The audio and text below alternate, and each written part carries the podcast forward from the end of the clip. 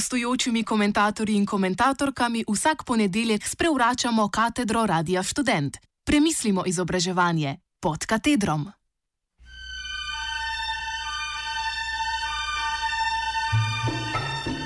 Melita se spominja.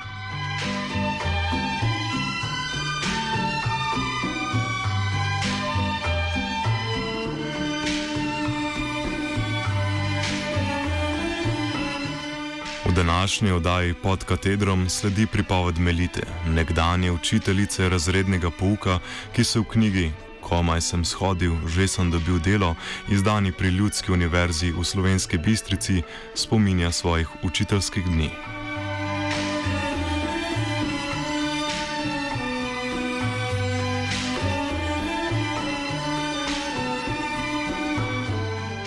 Melita, rojena leta 1940, se spominja, da je prakso kot mlada učiteljica opravljala najprej na šoli, ki so jo rekli vadnica in je bila zraven učiteljiščica.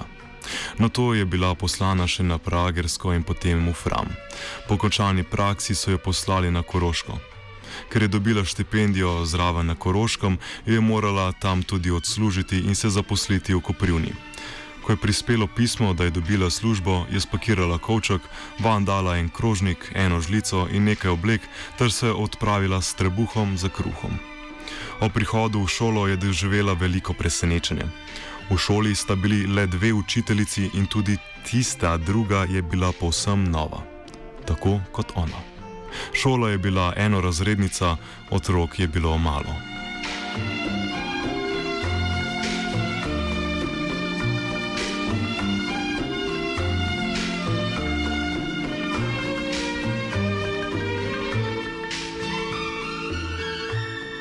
V šoli je bilo tudi stanovanje za dve učiteljici. Melita je dobila pogodbo za tri leta, kar njenim staršem ni bilo všeč. Za tri leta so namreč ostali brez para rok za delo in brez edine hčerke. Melita je poučevala učence od 4. do 8. razreda, njena sodelovka pa učence od 1. do 3. razreda. Ker sta imeli na voljo eno samo učilnico, sta imeli prostorske težave. Pouk sta si razdelili tako, da je ena učila do povdne, druga popovdne. Kmalo je Melita postala ravnateljica te enorazrednice. Ko je sprejela to vlogo in pripadajoče naloge, je zraven dobila še kup drugih.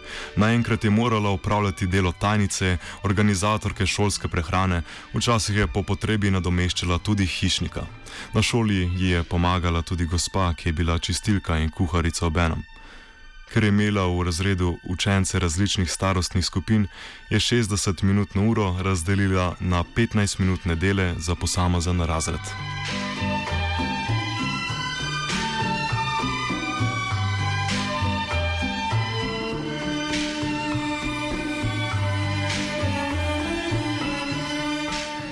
Tako poučevanje je bilo mnogo zahtevnejše kot tisto, na katerega so jo pripravili v šoli. Na delo se je začela voziti z motorjem, včasih je pri, pri opravilih priskočila na pomoč soseda, pomagal ji je tudi gostilničarjev sin, ki je stanoval blizu nje. Ko so se križale ure verouka in pouka, se je njenemu urniku prilagodil tudi župnik, da so otroci lahko obiskovali pouk. Stvari za šolo, kupljene v trgovini, je Melite nosila peš v velikih vrečah. Tako je prenašala vse mogoče od hrane za učence pa do daru za kurjavo. Ko je tako nekajkrat videl avtobusni šofer, ji je predlagal, da naj popovdne nakupi vse potrebno in blago pusti v trgovini, on pa ga bo vzel zjutraj ter ga pripeljal s šolskim avtobusom.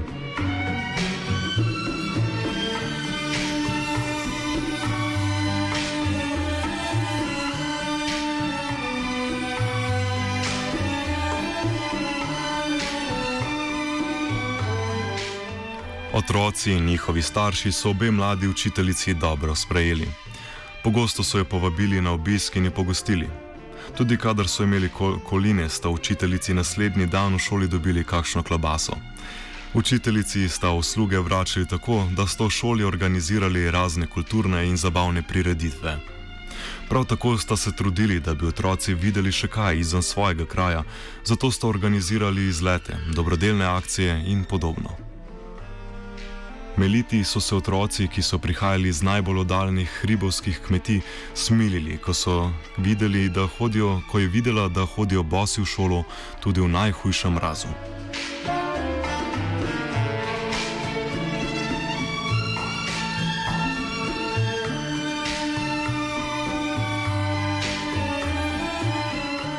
Nekoč sta sodelovko učence peljali na izlet v Boč.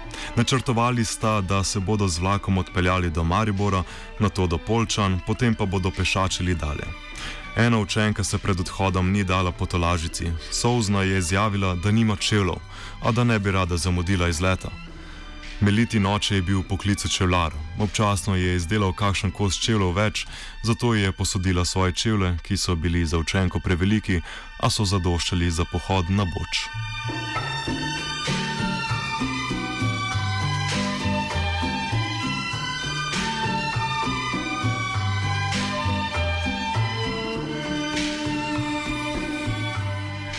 Melita je kot učiteljica razrednega pouka učila tudi športno vzgojo.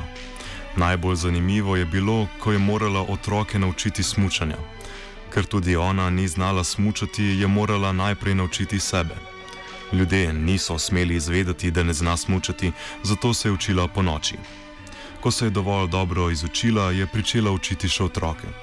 Smučali so kar na hribu za šolo, snega tam pod peco po zimi nikoli ni zmanjkalo. Če ga je bilo na bistriškem nekaj centimetrov, ga je bilo na koroškem vsaj pol metra.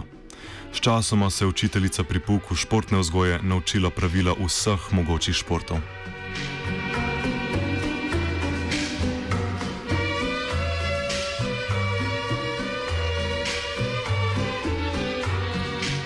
Melita je imela kot učiteljica tudi nekaj slabih izkušenj. Ko je njena sodelovka nekoč pustila odprto okno, se je do šolske stavbe zrinila krava, ki je podrla ograjo, pohodila rože in pojedla zeleno glavo na okenski polici.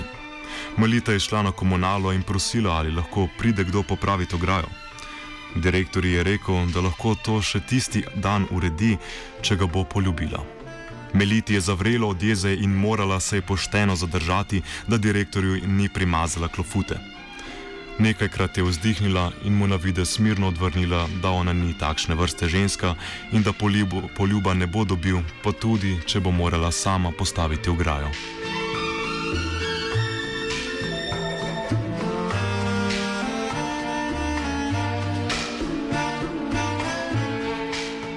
Med drugim so tudi udrli v šolsko poslopje in ukradli denar. Melita in njena sodelovka sta šli na oddaljeno kmetijo po mleko, čistilka pa je šolo postila odklenjeno. Ko sta želeli iti, jo je gospa vse čas prepričevala, naj ostaneta in prespite na kmetiji, da se ne bosta potem izprehajali nazaj.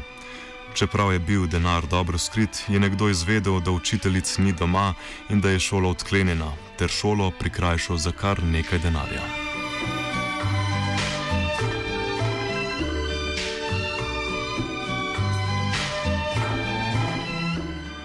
Ker je zmeraj povedala, kar si je mislila, je Melita med kolegi v zbornici veljala za zoprno in preveč pošteno. Zelo jih je jezilo, če se je kdaj postavila na stran učencev. Ko so njenega učenca obtožili, da je požgal gost, se je denimo ona z njim pogovorila in kasneje so ugotovili, da so mu krivdo naprtili, da bi se izmazal sin nekega vplivnejšega človeka. Mama po krivom obtoženega učenca je takrat prišla k njej in ji rekla, da je bo večno hvaležna. Nekoč so njeni učenci res nekaj ušpičili. Ker so brali tajno društvo PGC, so se navdušili nad zbiranjem raznih stvari. Tako so se domislili, da bodo zbirali avtomobilske značke. Kmalo so bili vsi avtomobili v domačem kraju brez značk. Sama je hitro posumila, kdo je kriv in rešila situacijo. Tudi kadar je učence kaznovala, je premislila, ali bo kazan, ki jo je, ki jo je zbrala, koristna in dovolj poučna.